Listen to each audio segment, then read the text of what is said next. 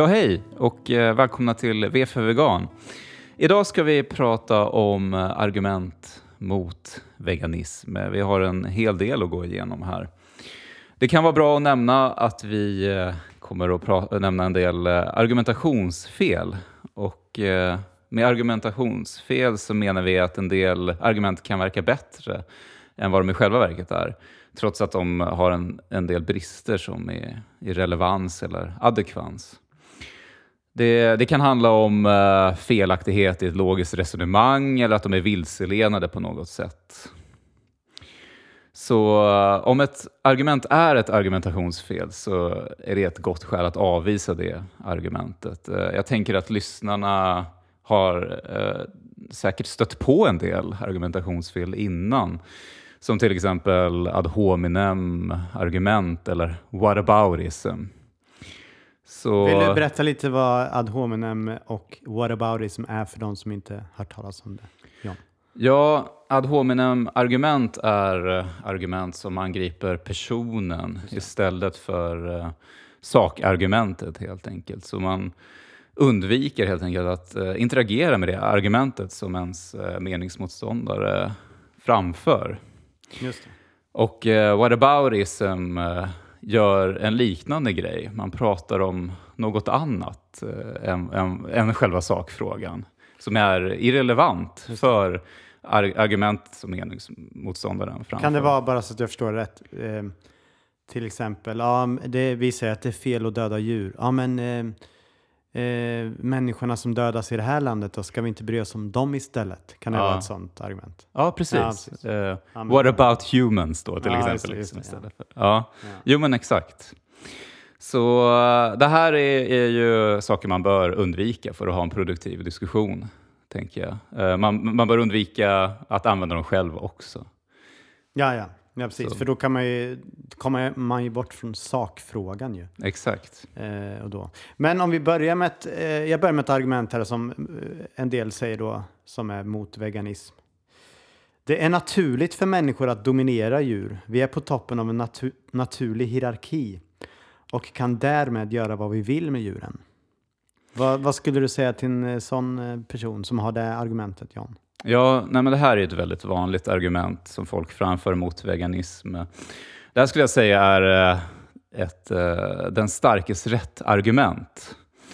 Och den starkes rätt innebär att om man har en maktposition över andra så, så tar man sig själv rätten att förtrycka de andra.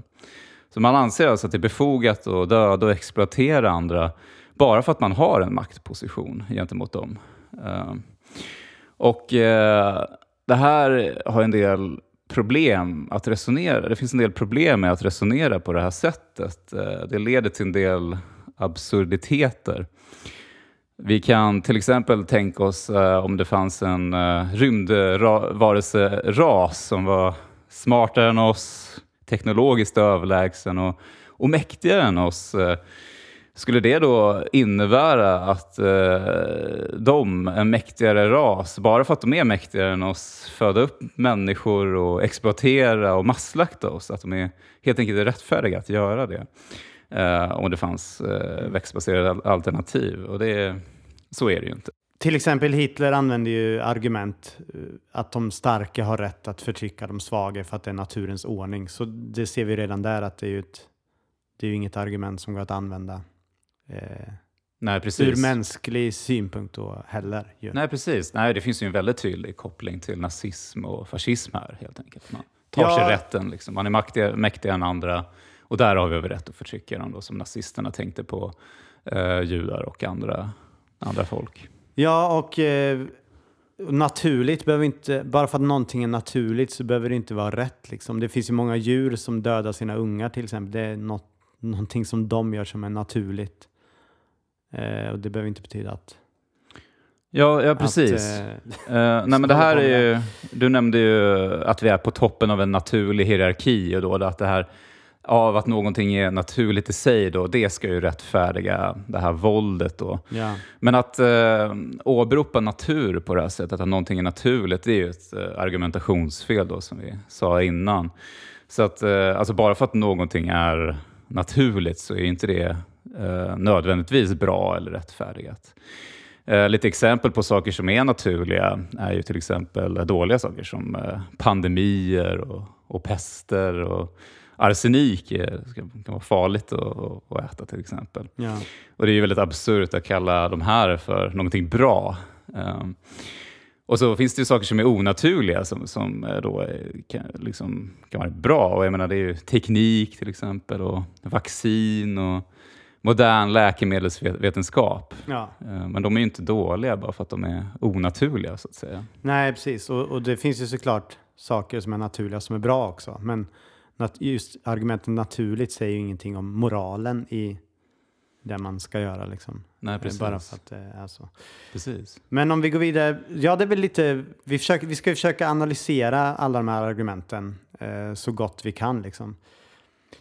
Ska, vi, ska vi lämna den? Ska vi gå vidare till nästa? Eller vad säger du? Ja, men vi går vidare till nästa. Vi, vi har ju en del att, Ja. att bita i här. Eh, så att eh, nästa argument då, det är det är nödvändigt att äta djur.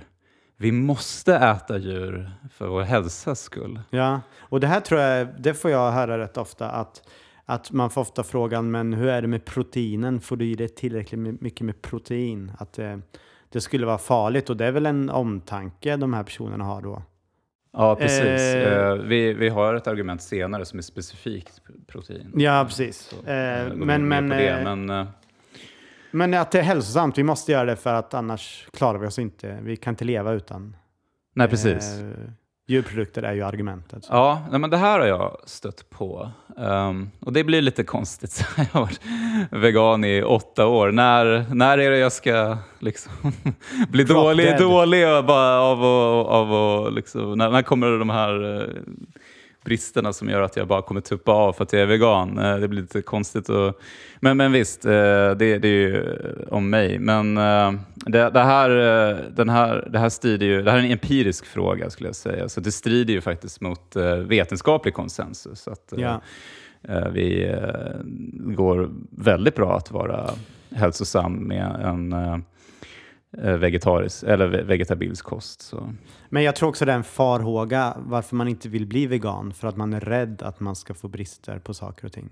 Mm. Så det tror jag kan vara en genuin rädsla att jag vill inte få brist på järn eller vad det nu kan vara. Ja, precis. Men då är det ju viktigt att man är tydlig att ja, men, eh, för järn, tänk på att äta det här och B12 är ju den saken man måste ta till, tillskott. Ju. Ja, som vegan. För att eh, det är ju väldigt farligt för B12-brist. Och det är ju vi tydliga med, det måste man ju ta. ja, Och sen är alla som bor i Norden måste ju ta D-vitamin på vinterhalvåret. Eller det är bra man tar. Mm. För att vi får eh, främsta i, genom solen. Så Ja. att, ehm, ja eh, jag tycker att det är viktigt att poängtera att även icke-veganer drabbas ju av eh, näringsbrist. och ja, även du säger, så- B12-brist kan icke-veganer ha.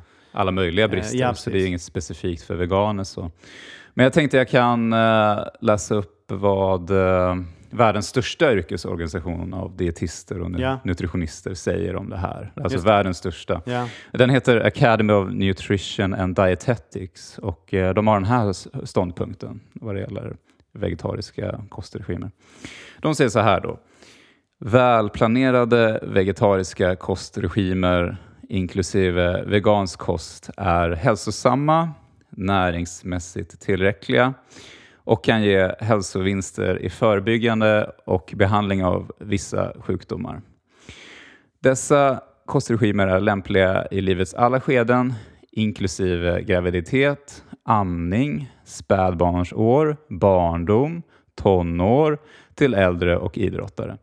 Veganer behöver tillförlitliga källor till B-vitamin B12 som berikad mat eller tillskott ja, precis. Och den här då ståndpunkten att, att en ordentligt plan, planerad vegansk kost med B12-tillskott skulle vara eh, tillräcklig. Det är ju en konsensus som vi sa i början. Ja. Det, du kan nästan välja vilket land du vill och kolla deras liksom, eh, dietisters ståndpunkt och det är det här du kommer hitta. Liksom. Eh, Ja, jag menar, vi kan titta på Livsmedelverket i Sverige till exempel. Det är, vegankost är ju ingenting de avråder ifrån alls. Utan Nej. de har ju instruktioner om vad du bör tänka på, Ja. men det är ju ingenting som de skriver att de avråder överhuvudtaget. Nej, så. precis. Eh, men vi kommer att uh, bifoga en, eh, Lista på länkar. en ju. lista på länkar eh, med uttalanden från alla de här stora institutionerna.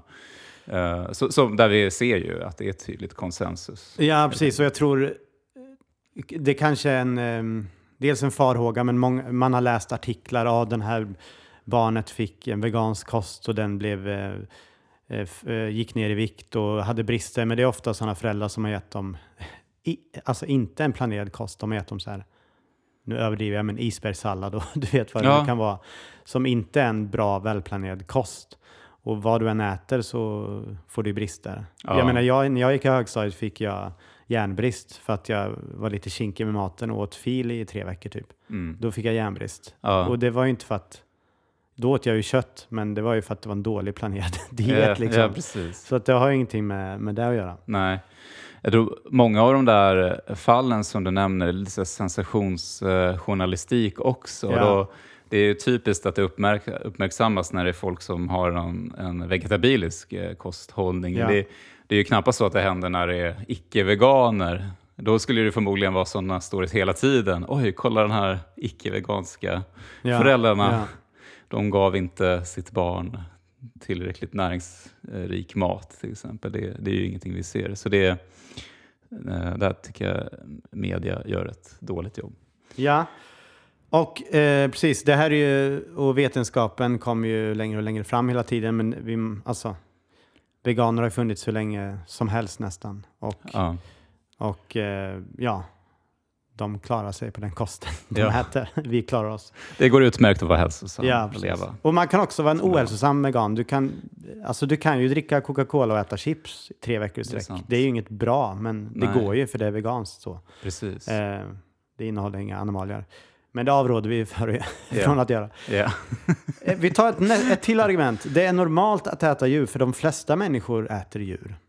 Och eh, om jag börjar här, det är också intressant att bara för att en majoritet ägnar sig åt ett visst beteende så behöver det inte betyda att det beteendet är rätt. Det finns ju många händelser i historien där ett, eh, ett flertal har ägnat sig åt ett visst beteende, men det beteendet behöver inte ha varit rätt. Ett Nej. rätt beteende att göra så att säga. Nej, precis. Um, ja, vad säger du mer om det här John, det här argumentet? Ja, men det här har vi till eh, argumentationsfel uh, som kallas för vädjan till popularitet. Uh, och uh, det här blir ju väldigt absurt när man resonerar på det här sättet. Då, att det räcker med att en majoritet ägnar sig åt någonting och då är det rättfärdigt. Att vi, vi kan ju till exempel tänka oss att nej, men vi har ett samhälle där en majoritet använder rasistiska uttryck för att beskriva en folkgrupp Ja. då blir det automatiskt rättfärdigat då enligt det här argumentet. Men det är ju naturligtvis inte rätt att uttrycka sig rasistiskt.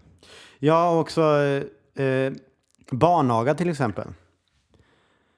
Det fanns ju en tid där majoriteten av föräldrarna då, kan vi anta, i Sverige eller något annat land, slog sina barn för det var kutym, det var så man skulle uppfostra sina barn. Ja, Och med det argumentet då så skulle jag säga att det, det var rätt att slå sina barn för att Alla gjorde det, majoriteten liksom. av föräldrarna gjorde det. precis. Men nu i backspegeln så kanske det inte var så snällt mot barnen. nej, nej, precis. Att de blev slagna. Och det är ju väldigt svagt argument att argumentera för barnaga just för att majoriteten gjorde det. Ja, Det säger ingenting om huruvida, det är rätt. huruvida det är rätt att göra det. Precis. Eh, och det finns mycket olika andra versioner av våld som har rättfärdigats med det här. Att flertalet har gjort det, Ja. så då är det okej att göra. Ja. Nej, det blir snabbt eh, absurt faktiskt. Man kan ju rättfärdiga nästan vad som helst. Nästa, ja, precis. Det mesta går ju att... Ja. Ja. Nu eh, kommer- Vad effektiva vi är. Vi, vi kör på vi, vi här. kör på. Vi, Hoppas... Eh. Ja. precis. vi, då har vi nästa Ja, och det här argument. tror jag är ett av de vanligaste argument jag har. Det går ut på att, jag läser upp det, Mm. det är gott att äta djur eller äta delar som kommer från djur, mjölk, ägg eller vad det nu kan vara.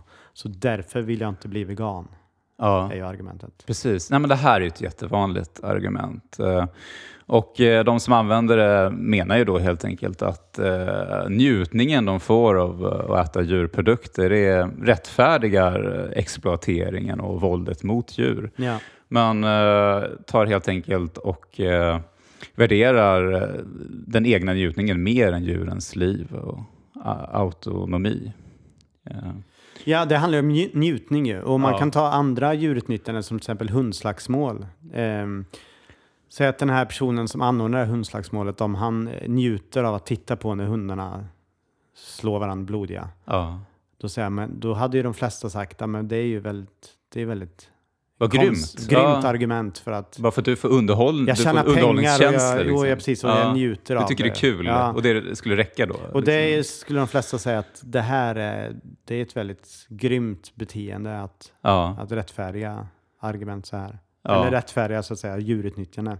Ja. Och nu råkar det vara en njutning och den här njutningen är vår, eh, våra smaklökars njutning. Mm. Ehm, men samma eh, argumentation måste ju, eller så att säga, det måste ju gälla likadant för Ja. mat som för hundslagsmål. ja, ja, precis. Det är ju, bo- är ju båda njutningskänslor då, får man tänka i det Ja. fallet. Eh, jo, men det finns ju, vi kan, vi kan ju bara, finns ju massa absurda situationer man skulle kunna rättfärdiga här. Om det finns en person som njuter av att tortera hundvalpar, ja, då skulle det vara okej. Det är en njutning. Ja. Eh, en kannibal som gillar att döda och käka människor, det är okej. Eh, det ger mig njutning då, som kannibal.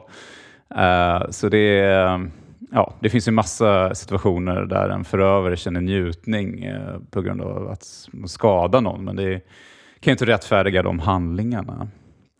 Eh, jag skulle vilja nämna en studie här som gjordes ganska nyligen på smak. För, eh, eftersom det är så vanligt att, att icke-veganer använder det här argumentet kan det ändå vara lite intressant att Mm, hänvisa till lite forskning. Liksom. Så en, eh, det har gjorts en ny blindteststudie där icke-veganer fick rangordna olika hamburgare efter smak. Och eh, det, jag tror det var, det var kötthamburgare, vegetarisk och vegansk. Ehm, och eh, den växtbaserade då, den veganska var ju den som vann. faktiskt. Det är ju väldigt intressant. För Ja, det är, visst var det. folk pratar ju ofta om att men det kött det smakar så gott. Precis. Och de här veganska substituten smakar inte alls Nej. likadant. Nej, precis.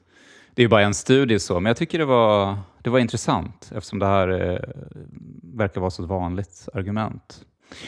Eh, sen så skulle jag väl också vilja nämna att eh, det har skett stora smakskiften rent kulturellt i Sverige. Mm. Så det här med att introducera nya smaker och, och nya, alltså som det innebär då med att vara vegan. Det är Ja. många, de, de flesta kanske inte har testat att äta tofu och seitan till exempel. Så, så blir ju det rätt rimligt liksom. Så lite smakskiften som har skett i Sverige då, då det är till exempel tacos. Det har ju blivit jättesvenskt där med Ja, just det. fredagstacosen. Ja. Liksom. Det kommer från Mexiko. Eh, så det var, det var ju en grej som inte var så populär innan det kom. Ja. Eh, och eh, en lite senare, eh, ett senare smakskifte som har skett det är ju, det är sushi då, då som många älskar att äh, älska nu då. Den, den, Ja, jag tänker också, bara om vi går till 70-talet. Pizza var ju en grej som kom på 70-talet. just Som ju också anammats väldigt som en... Man tar sin pizza Ja. på helgen för att man inte orkar laga mat. Liksom. Mm.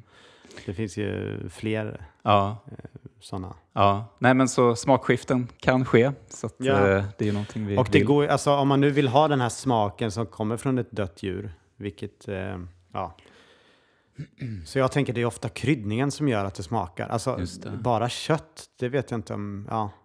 Men eh, hur som helst så går det ju att hitta ett substitut som, alltså det finns ju vegansk ost, vegansk kött, vegansk ja, yoghurt, det finns det mesta liksom. Om Ja, man ja, vill ha, ersätta. Sen Ja. smakar det inte precis likadant, men det är ju för att det är inte baserat på döda djur. liksom. Jag skulle, köttsubstituten, av vad jag minns så smakar de ju otroligt likt. Typ, eh, här beyond, nya- beyond, ja, men Beyond, Beyond- Burger ja. och de där. Så det är väl ett undantag då kanske. Ja, precis. Och jag äter ju Um. inte dem för att jag tycker de är för lika köttsmaken. Ja. Men det är ju en del veganer som älskar dem. Och jag säger varken, man får gilla precis vad man vill, det är Ja. inget fel det. Men, Nej, precis. men så precis, de har ju blivit så bra nu så att jag kommer ihåg jag bjöd min pappa på en sån Beyond Burger. Ja. Eh, jag bjöd honom på en restaurang och han sa jag känner ingen skillnad Nej. från det här och kött. Det kunde varit kött. Ja. Så att eh, han sa ju det, så tänker jag att ja, det finns ju liksom ingen anledning för att fortsätta äta kött då om det smakar likadant. Nej, precis. Min pappa, eh, vi var på en indisk restaurang faktiskt, och Ja. en vegansk eh, eh, restaurang då.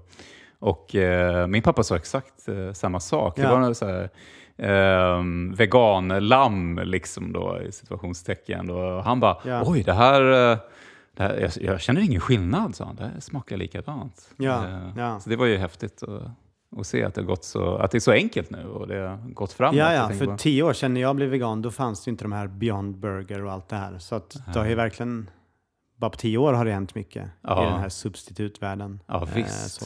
Det har hänt otroligt mycket. Eh, Ja, verkligen. Nästa argument. Djur äter ju djur i naturen.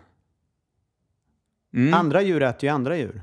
En eh, tiger äter en gasell. Nu kanske det är Precis. lejon som äter gaseller. Ja. Men, så då kan ju vi äta djur. John, vad skulle du svara då?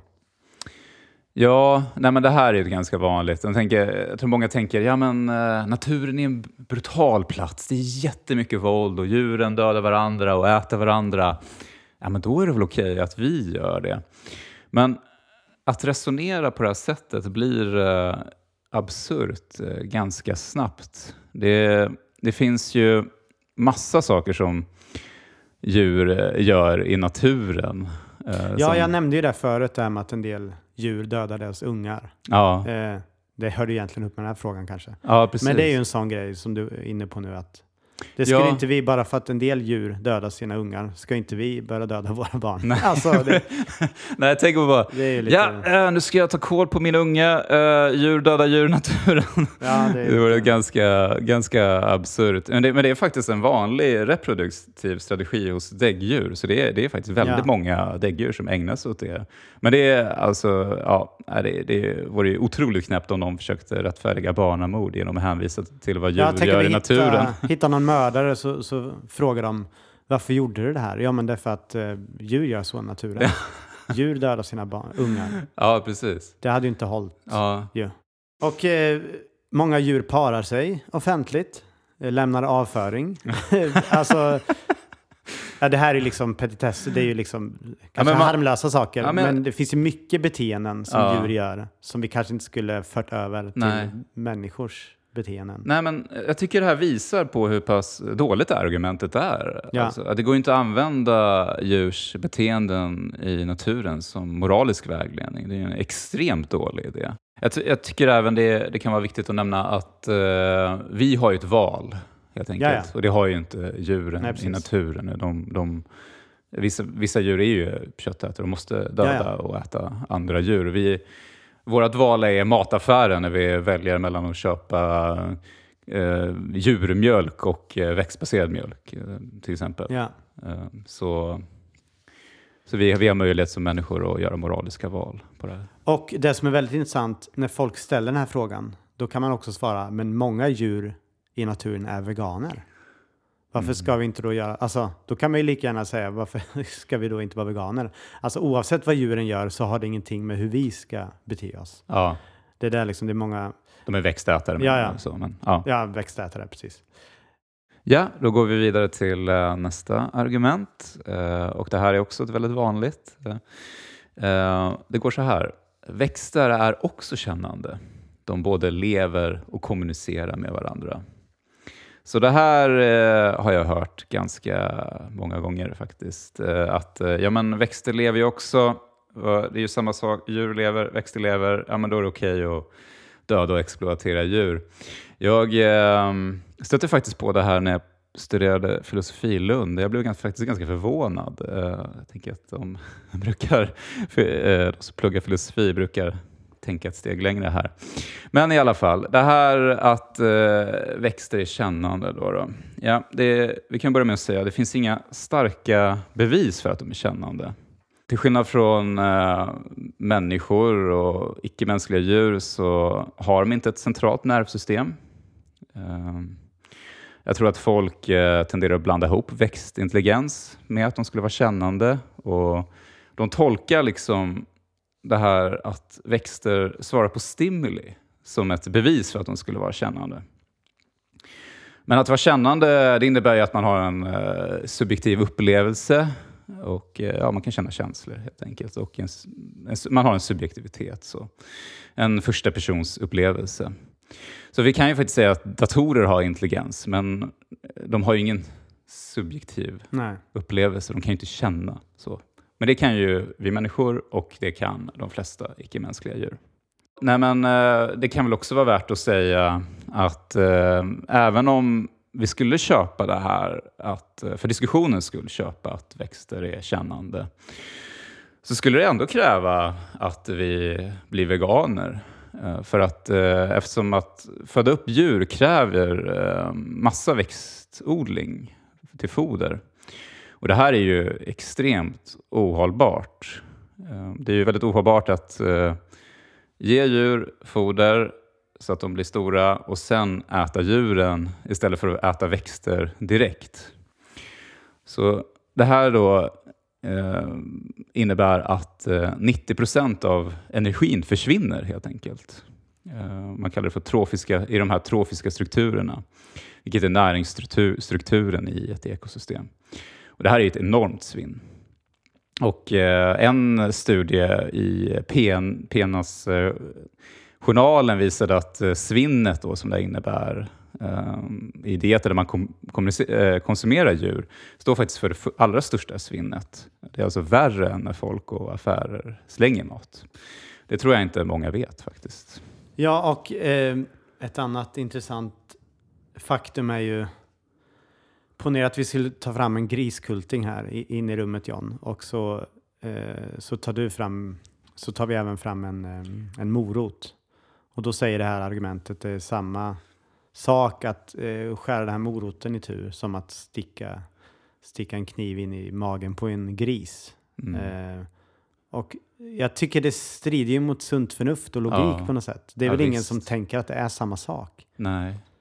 Nej, jag, alltså jag tror eh, folk skulle protestera om de ser det. ja, nu ska vi skära den här griskultingen mitt i Ja, eller man gjorde... skulle inte reagera om man skär en eh, morot. Ja, eller man gick ut på stan och så har, går man med en hund och så tar man fram en kniv och sticker kniven i magen på hunden. Ja. Och samtidigt så skär man i en gurka.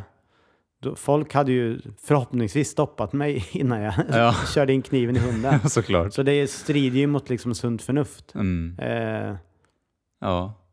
Yeah. Ja, verkligen. Nej, det tråkiga med det här argumentet är att eh, jag tycker det visar lite hur, hur lite folk värderar eh, djuren i livsmedelsindustrin. De sätter li, liksom lika med tecken mellan växter och de här djuren. Uh, och det, det, det, är bara ett tråkigt faktum, men ja. det, det, är ju någonting vi vill ändra på. Ja, ska vi gå vidare till nästa eh, argument? Ja, så att eh, nästa argument det är eh, vi har ätit djur sedan urminnes tider. Hela vår civilisation har byggts upp genom det. Och eh, ja. Ja. Jag tänker bara, John, vad har vi gjort sedan urminnes tider annars, förutom att äta djur, som kanske inte är så toppen bra? Ja, men vi har gjort alla möjliga grejer som vad människor. Vi, vi har mördat varandra. Vi har krigat, va? Krigat vi, och... Så långt vi kan minnas. Ja, visst. Nej, men uh, det, jag tycker man hör ganska snabbt att uh, det, här, uh, är, det här resonemanget innebär en del problem. Det här är alltså ytterligare ett argumentationsfel som kallas för vädjan till tradition. Så, så, bara för att någonting är en tradition, att det är någonting vi har gjort länge, ja. det i sig självt kan inte rättfärdiga alltså ett, ett beteende. Eh, det finns ju massa skadliga traditioner som fortsätter än idag. Eh, och, eh, genom, och det, det är ju ingen som Ja, eller det, antar att det finns folk, men eh, de flesta här är ju ganska snabba på att eh, säga att det inte är okej. Okay. En sån eh, tradition är ju kvinnlig könsstympning ja. till exempel. Det innebär att man tar bort eh, hela eller delar av eh, yttre kvinnliga könsorgan. Och det är en tradition i vissa delar av världen. Slaveri var ju länge tradition i USA ja, till precis. exempel. Eh, Visst är det så. Och då tror jag många skulle säga då att det är väl bra att den traditionen inte fortlever. Ja, precis. Um, en annan tradition är barnäktenskap. Det är en, eh, en tradition i många samhällen som förts vidare från generation till generation. Ja.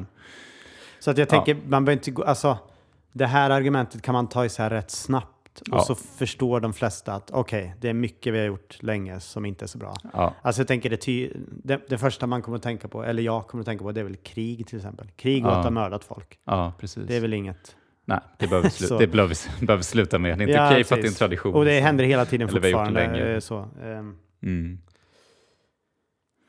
Ja, nej men det känns väl rätt bra med det argumentet. Ska vi gå vidare till nästa? Ja. Nästa argument, John. Jag lever i ett samhälle med en stark matkultur. Mm. Ja, det här är ett argument där man använder kultur eh, för att rättfärdiga exploateringen och masslakten av djur. Eh, och det här har vi till argumentationsfel helt enkelt. Man vädjar till kulturen. Eh, det finns ju gott om omoraliska beteenden som har varit en del av kulturer, som slaveri och kannibalism. Men eh, det betyder ju inte att det här var, de handlingarna var okej för att de var del av en kultur. Ja, men vi skulle kunna tänka oss en värld där vi ser var, varje handling som utförs kollektivt av en kultur som moralisk enbart av det faktum, faktum att den är en del av en kultur. Ja. Eh, I den här hypotes, hypotetiska världen då skulle ju kulturer som utövar slaveri och våldtäkt och mord och andra hemska saker som en kollektiv kulturell handling vara rättfärdigare. Men det är ju helt uh, uppåt Ja. väggarna. Om man tar något mindre dramatiskt men ändå väldigt eh, problematiskt att länge så hade vi en kultur i Sverige där kvinnor inte fick rösta Mm. för att det var en del av vår tradition och kultur. Ja, Jag tycker de här angränsar varandra lite. Eh, Jag har svårt Ja. att särskilja argument. Alltså tradition och kultur. Ofta har man ju en kultur för att det är en tradition. Alltså, Ja, jag tycker de ja, går in i varandra lite så. Ja, men det gör de nog också. Eh, ja, det gör de ju. Men precis, jag tycker lika snabbt här så ser man att det går att plocka isär och märka att okej, det finns rätt mycket grymma saker som görs inom olika kulturer. Ja. Och kulturen kan inte vara det vi använder för att rättfärdiga de här Mm. sakerna. Jag, tror, jag tror den specifika skillnaden är helt enkelt att när folk säger de här sakerna så hänvisar de till kulturen och det andra Ja. är tradition. Alltså det Ja, ja, beror så- helt på vad ja. de säger, men de är ju ganska lika. De är ganska angränsande. Ja. Ja. Nej, men precis. Så att, eh, ja. Allt systematiskt förtryck har ju varit en del av en kultur till exempel. Eh, ja, det går ju att rättfärdiga precis vad som helst Ja. genom att hänvisa till kultur på det här Ja. sättet. Men John, djuret är ju redan dött. Det är ju inte jag som har dödat det. Mm. Det handlar om eh, utbud och efterfrågan. Så när du köper en djurprodukt som kött så är köttet eh, en del av ett redan dött djur. Det stämmer ju. Men genom ditt köp så skapar du efterfrågan, vilket i sin tur skapar utbud. Och Utbudet i detta fall innebär att det föds upp djur som kommer lida svårt och dödas. Att köpa djurprodukter innebär därför att fler djur föds upp och dödas. Och det här är ju det här är enkel ekonomisk teori. Så du betalar liksom en annan person, som ofta är en lågavlönad arbetare, som utför dödandet åt dig i ett slakteri. Så du är fortfarande ansvarig även om du inte håller i, i kniven själv. Det, det är precis som, som den som anlitar en lönnmördare för att ut, utföra ett mord på dennes vägnar fortfarande är skyldig till mord. Jag tänker ofta de som säger det här, de, eh, många jag pratar med, de säger att de aldrig skulle kunna döda djuret de äter. Och då tycker jag de borde bli veganer om de inte skulle kunna utföra den våldsamma handlingen. Nej, precis. Så det, det, det, det är nå- någonting många inte tänker på. Ja, enkelt, Att de faktiskt betalar andra Ja, för att utföra det. Men människor kommer alltid att exploatera och masslakta djur i matsyfte. Det är inget som kommer att sluta eller något vi kan ändra på. Det här är ytterligare ett argumentationsfel. Ehm, här, personen som använder det här argumentet uh, hänvisar då till att det, det är liksom meningslöst att ens göra någonting. Vi, vi, vi kan inte stoppa den här exploateringen och masslakten av djur. Och, och det, varför ska vi då bli veganer? Det, kommer inte, det är meningslöst att ens eh, försöka. Eh, så det är tanken då bakom det här argumentet, Man kan inte ändra på det här. Ehm, så, och det vi skulle vilja säga om det här argumentet är ju att eh, ja, nej men så här skulle man, det, det argumentet skulle man ju kunna använda på alla sociala rättvisefrågor. Till exempel, eh, det är ju omöjligt att radera all rasism i världen. Ja, så då, så, ja, men då ska vi inte ens försöka att vara antirasister. Um, det skulle kunna ta... Ja, nej men eh, folk kommer alltid vara sexister. Vi, vi, vi, sexismen kommer alltid finnas i världen. Ja. Ja, men då, då det är meningslöst att vara feminism. Alltså, jag tycker... eh, ja, man hör ju hur, Ja. hur dåligt Ja, resonemanget är. precis. Så eh, för att förtydliga då, då. X är det perfekta målet. Det finns ingen möjlig perfekt lösning Y som helt uppnår X och därför är det inte ens värt att försöka X. Just det. Ja, Lite sammanfattning. ja jo, men jag tyckte det, det sammanfattade det ganska bra. Men nu kommer ett argument som jag har hört eh, som är vanligt. Att äta kött eller dricka mjölk eller djurprodukter, det är ju mitt personliga val. Och veganer ska inte lägga sig i vad andra äter. För Mm. det, det är ens personliga val vad man äter. Precis, ja. jo, men den här har jag hört också. Eh, jo, Nej, men det här är en så kallad tankedödande klyscha. Och eh, tankedödande klyschor, det är fraser eller plattityder som eh, är avsedda att avsluta en konversation eller en diskussion innan den ens har kommit igång. Och vi kan tänka oss lite, jag tror ni har säkert hört eh, en del av de här innan, men en, en tankedödande klyscha till exempel då är agree to disagree. Just det. Och det är bara, ja där tar det stopp liksom med diskussionen. Och, eller smaken är som baken, det är också så här, ah, nu vill jag inte prata mer om det här, stopp och belägg. Så personerna som använder det här personligt val-argumentet, de, de försöker ju undvika att prata om moral helt och om det är fel och föda upp och döda djur. Ja, men det är också lite märkligt för att eh, allt vi gör är ju vårt personliga val. Mm. Alltså det finns ju mycket saker som vi tycker är hemska och grymma som Ja. någon har gjort som är den personens personliga val. Alltså Ja, jag vet inte vad vi ska ta för eh, exempel. Kommer du på något? Ja, nej men... inte ta de mest eh, extrema, men alltså. Ja, men alltså mörda blir ett personligt val då till Ja, exempel. absolut. Alltså det är i och för sig ganska Ja, extremt, tar men det eh, det går ju inte att försvara med Ja, men det här, är- du ska inte lägga dig i, det här är mitt personliga val att, att eh, döda liksom. Eller att jag gav den där kvinnan en snyting. Varför gjorde du det? Det var mitt personliga val. Ja, nej, Alltså, det- nu kanske vi tar extrema exempel, men alltså allt en gör är ju ens personliga val. Ja. Så vad har det med, alltså, det finns, det finns personliga val som är bättre att göra och det finns personliga val som är sämre, så just att åberopa att det är ett personligt val, det är lite Mm. märkligt. Ja, sätt. precis. Ja, jo men alltså personerna som använder det här argumentet, de ignorerar ju att eh, det är faktiskt inte, det angår ju inte det, dem personligen eh, helt enkelt, utan när de betalar för djurprodukter så innebär ju det att djur skadas, exploateras och dödas. Ja. Så de ignorerar ju offren helt enkelt. Är, Ja. Djuren är också individer. Om vi tar då med det här eh, djurslagsmålet till exempel. Den här personen som anordnar djurslagsmål. Mm. Folk eh, satsar pengar på olika hundar. Ja. Eh, ja, vi tar hundslagsmål då. Då är det den personens personliga val också att ta de här hundarna och sådär.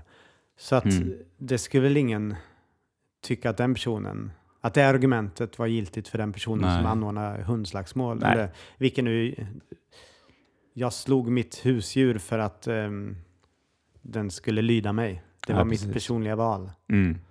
Jag drog hårt i kopplet så den ströps. Ja. Varför då? Jo, för att den inte skulle rymma från huset. Det var Mm. mitt personliga val. Alltså, man ser ju ganska snabbt att det här inte håller. Nej, det håller inte. Ja. Då går vi vidare till nästa argument. Nästa argument är mat är min passion och då vill jag inte utesluta viss mat. Vad säger du om det Joel? Ja, det är lite liknande ett annat argument tycker jag vi hade väl. Det här med att man gillar en viss smak av någonting. Ja, Det, eh, så att det är nästan samma argument där. Eller samma Ja. analys som, eh, ja. som eh, tillkommer. Eller vad säger du? Jo, men det, det är ju en känsla då. Liksom. Ja. Så att, eh, intresset för mat, passionen som den här personen eh, har då för det här intresset, det, det ska då rättfärdiga det här våldet mot, eh, mot djuren. Så. Men eh, när man tittar lite närmare på det här resonemanget så, så blir det ju ganska märkligt. Då. Kan, kan att man känner, man har en passion för ett intresse och därav att man har den här passionen så är det, då är det okej och då kan det rättfärdiga det här intresset även om det är något eh, som skadar andra. Det blir ju väldigt, väldigt märkligt. Vi eh, skulle kunna ta ett exempel där ja, men vi har en person som uh, går runt på stan och slår folk med järnrör och det är den personens största passionerade intresse. Ja, skulle det vara okej då? nej, det funkar Nej. nog inte riktigt.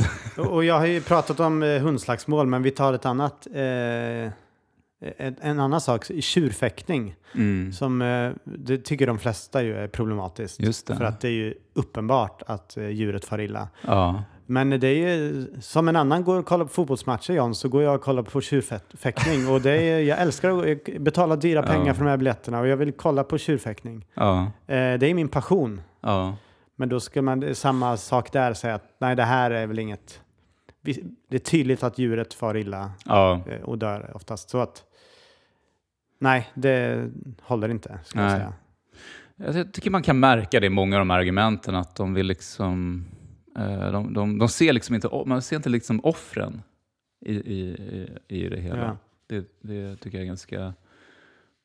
Det finns en, en, eh, ett samband där. Liksom. Mm. Och som vi sa innan, det finns ju substitutprodukter om man nu är intresserad av det. Men det är ju alltså, det är roligare att upptäcka nya produkter. Alltså folk som inte vet vad tofu är till exempel. Eller, eller seitan eller grönkål åt jag inte innan jag blev vegan till exempel. Och det är ingen, det är ingen extrem eh, grönsak eller Nej, nej. eh, mat sådär. Nej. Men man upptäcker mycket mer. Jag var väldigt Ja. begränsad innan i mitt sätt att tänka kring mat. Ja. För att jag inte visste något annat ju. Nej. Och då blev det så. Nu, alltså den godaste maten jag ätit är ju vega, har ju varit vegansk. Ja, samma Ehm, här. Så att, eh, ja. Så det finns bara saker att vinna anser jag. eh, Ja. när det kommer till mat. Ja, jo men eh, det, jag har en liknande upplevelse. Jag kan inte säga att jag var så superintresserad av mat innan, men det har ju ändå blivit större, mitt matintresse nu, Ja. än vad det någonsin har varit. Eh, Man fick lära sig lite nya grejer om tofu och seitan och, och bjäst. Saker som man aldrig lagade mat med innan överhuvudtaget. Nej, precis.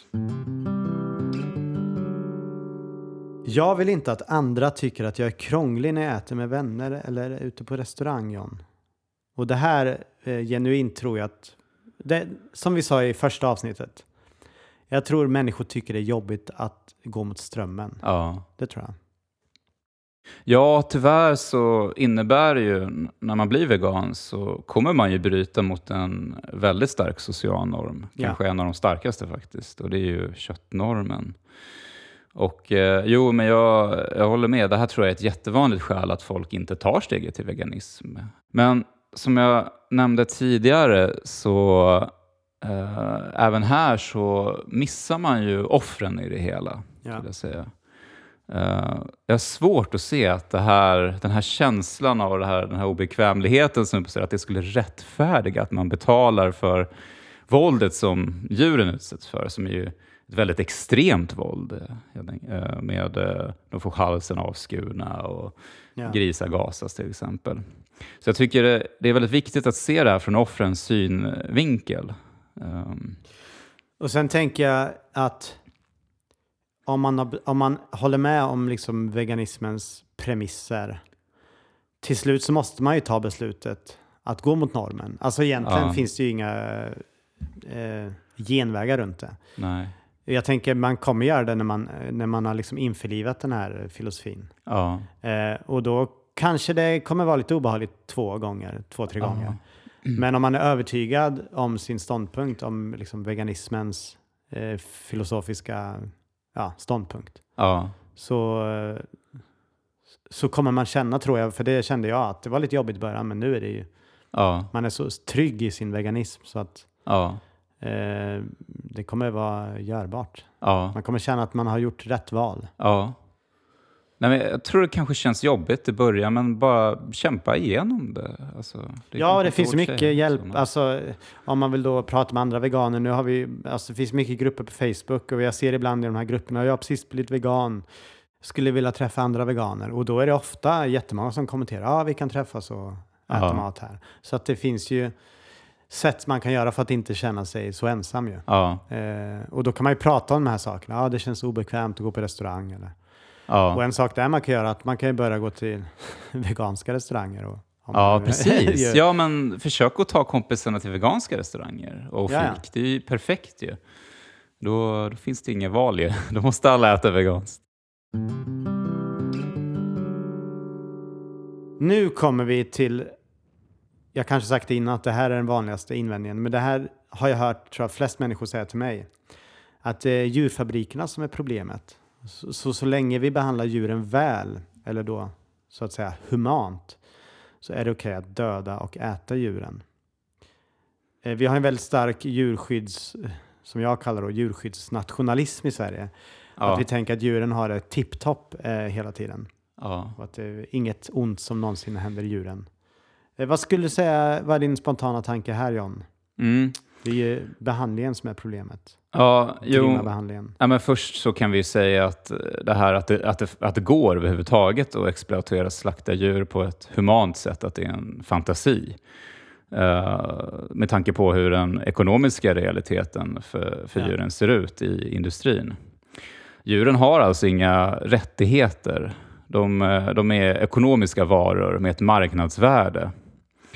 Vi, vi kan ju värdera andra djur som katter och hundar och så, som, som bor i vårt hem som, som familj. Eh, Men även de ses ju bara som egendom. Och, de kan vi ju, och katter och hundar kan vi ju när som helst avliva genom att ta till veterinären. Ja.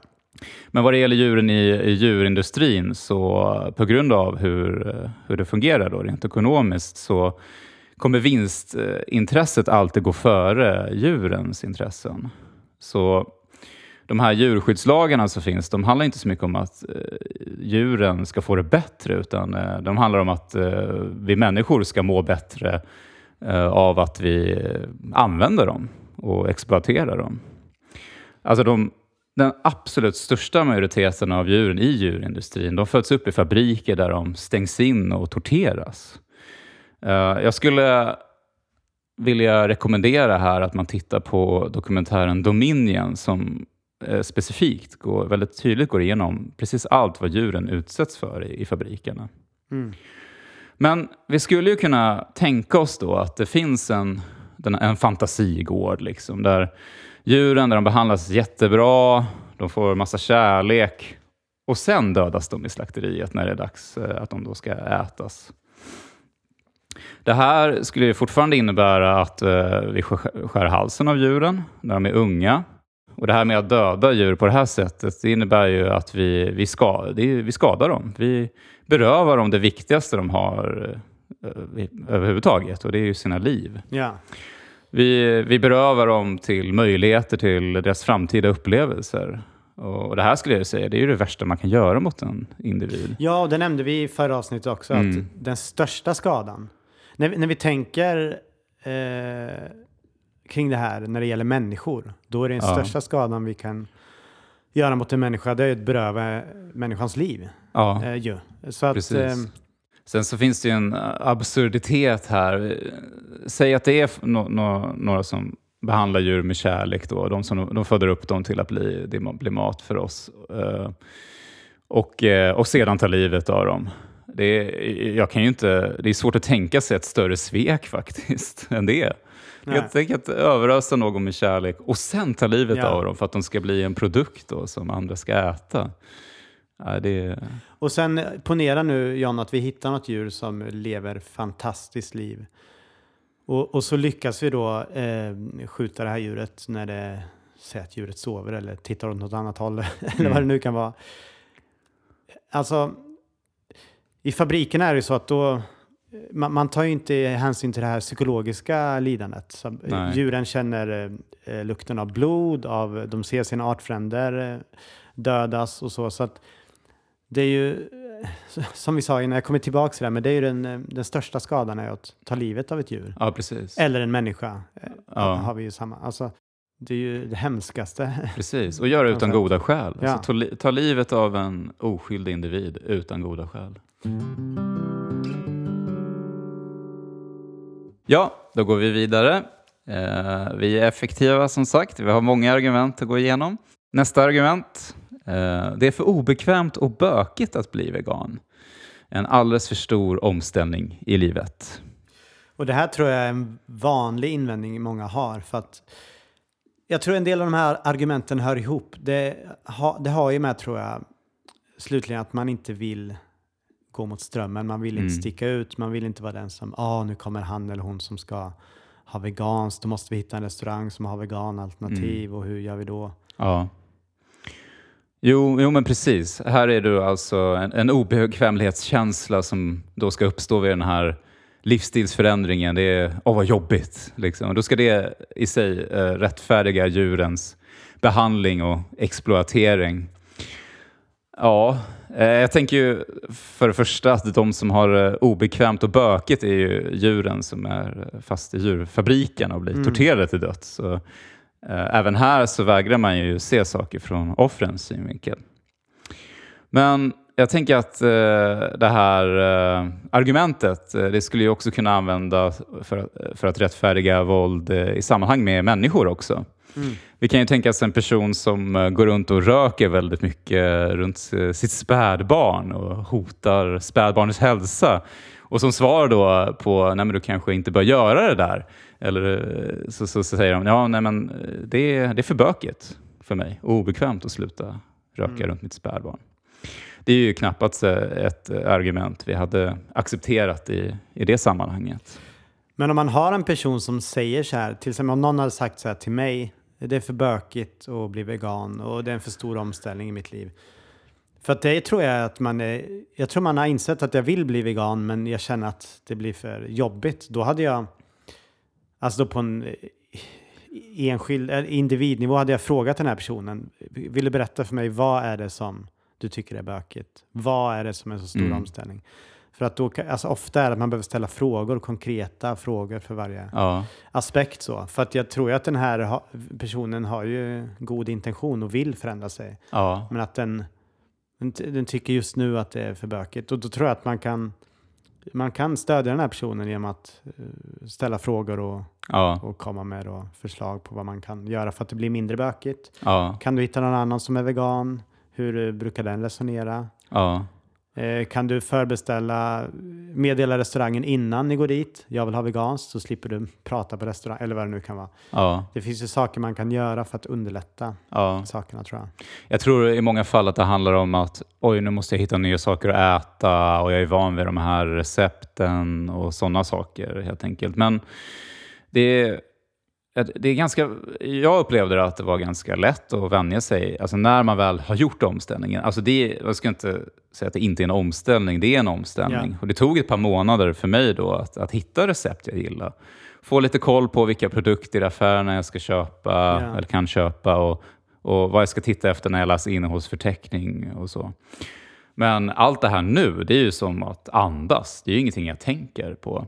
Tvärtom, det är ju enklare att handla nu än innan, för nu vet jag ju exakt vad jag äter och inte äter. Ja, och det är då omställning i affären till exempel. Mm. Du går till en annan frysdisk eller till samma frysdisk fast väljer en annan vara.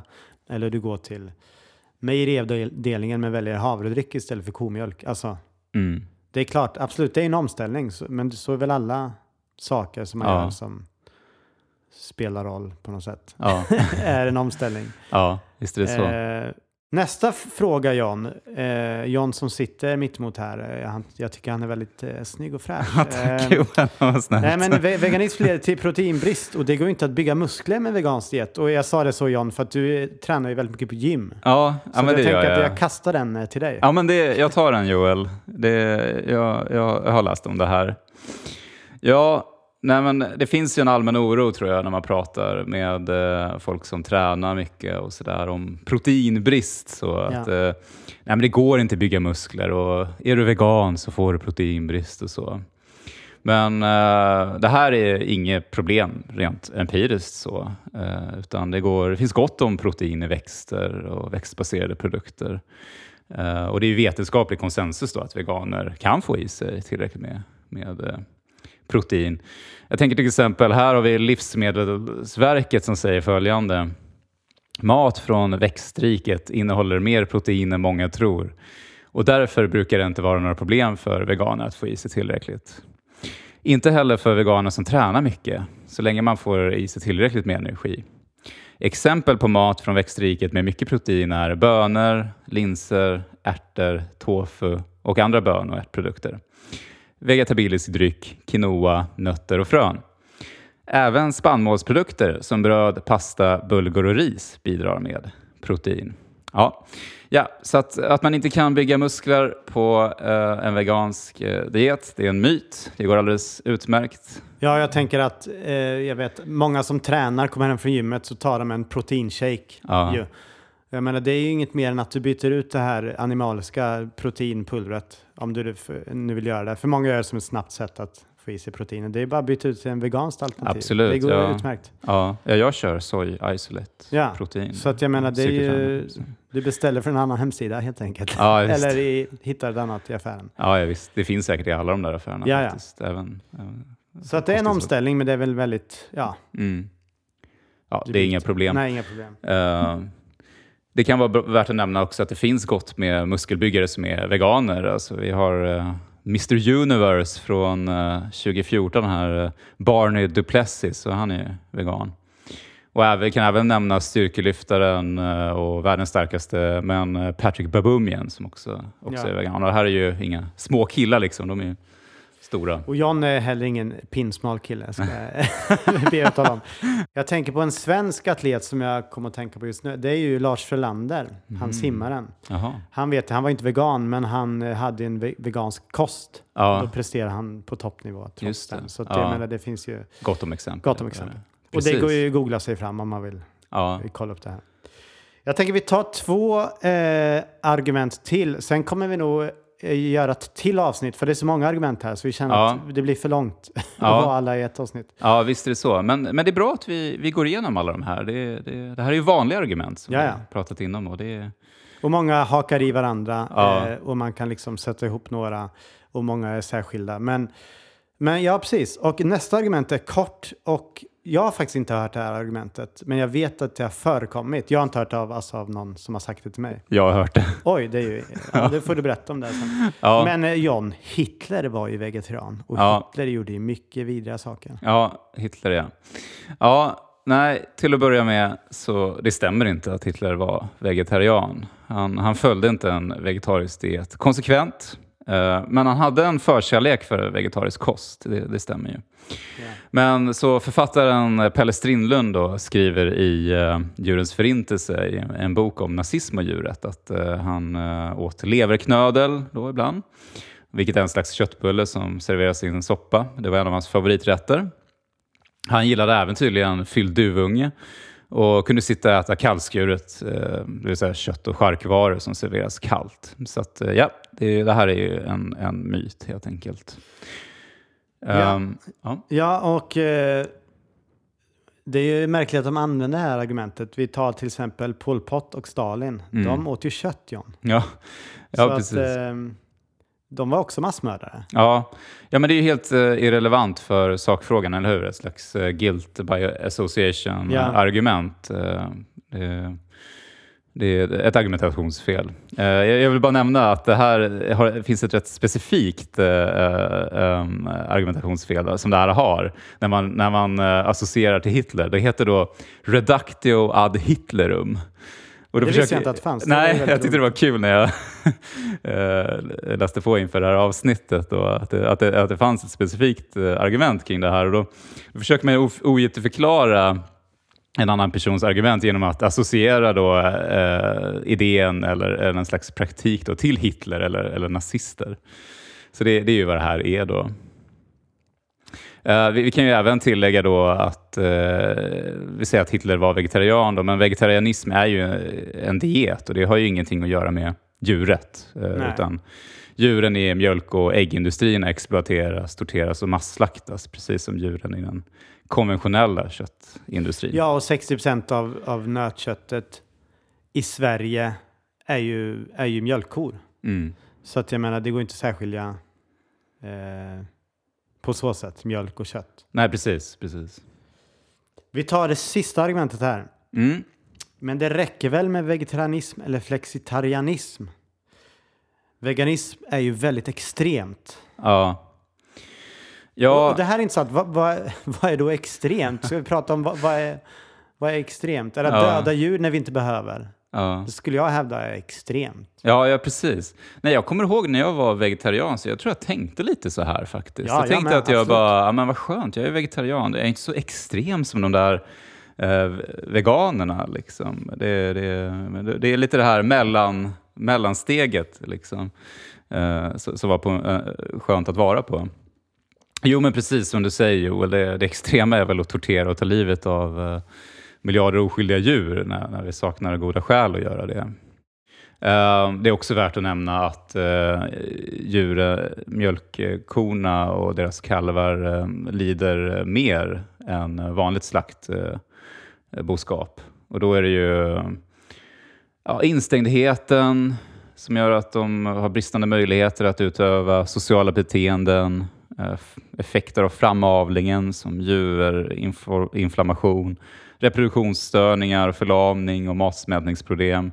Och så den här psykologiska eh, tortyren då, som innebär, när man separerar kalv från, eh, ko. Eh, från ko.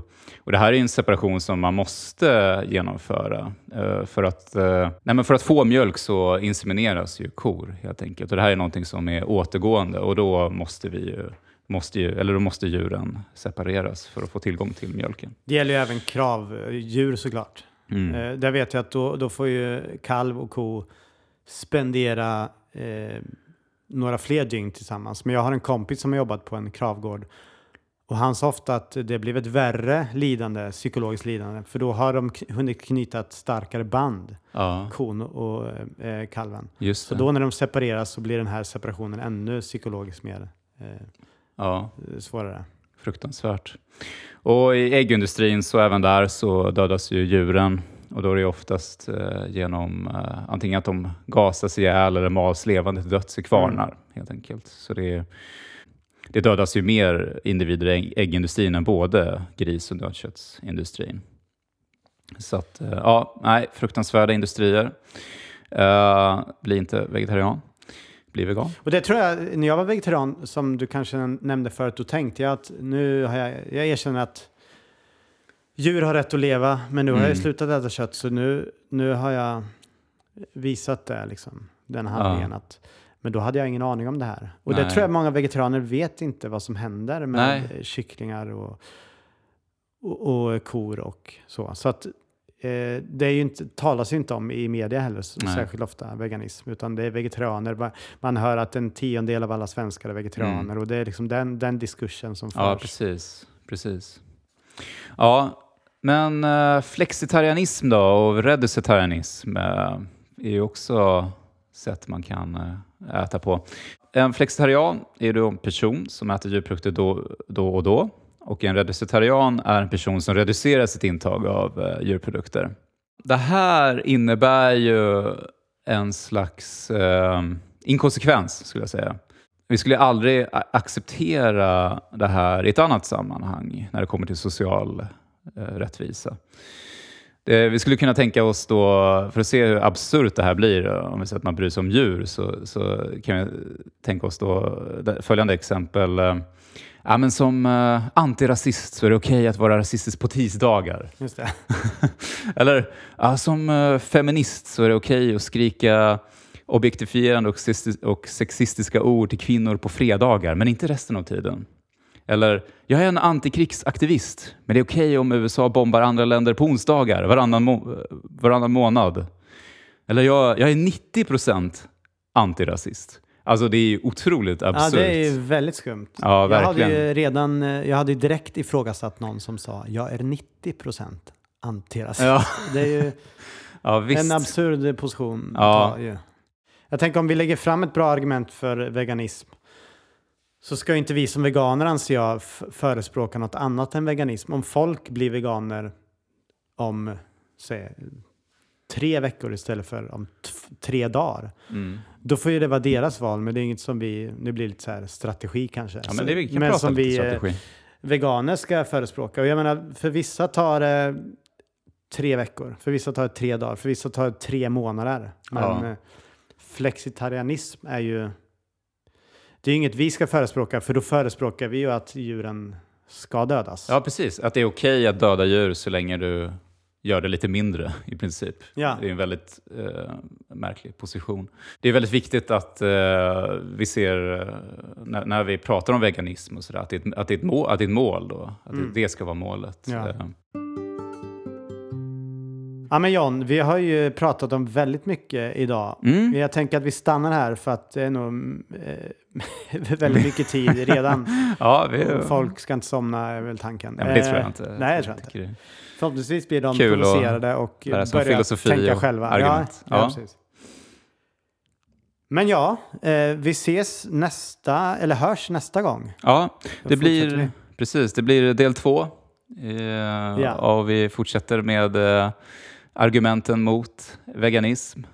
Så se fram emot det. Och som sagt, om ni har någon eh, invändning mot det vi har sagt eller tycker det är vidrigt det vi har sagt eller positivt det vi har Ja. sagt så eh, hör av er till oss. Ja, all form av feedback eh, välkomnar vi. Det är bara Ja. att kontakta oss på sociala medier. Vi finns där, V för Ja. vegan. Yes. Ja. Ja men gott. Ja. Ha, ha det fint. Ha det fint. Hej. Hej.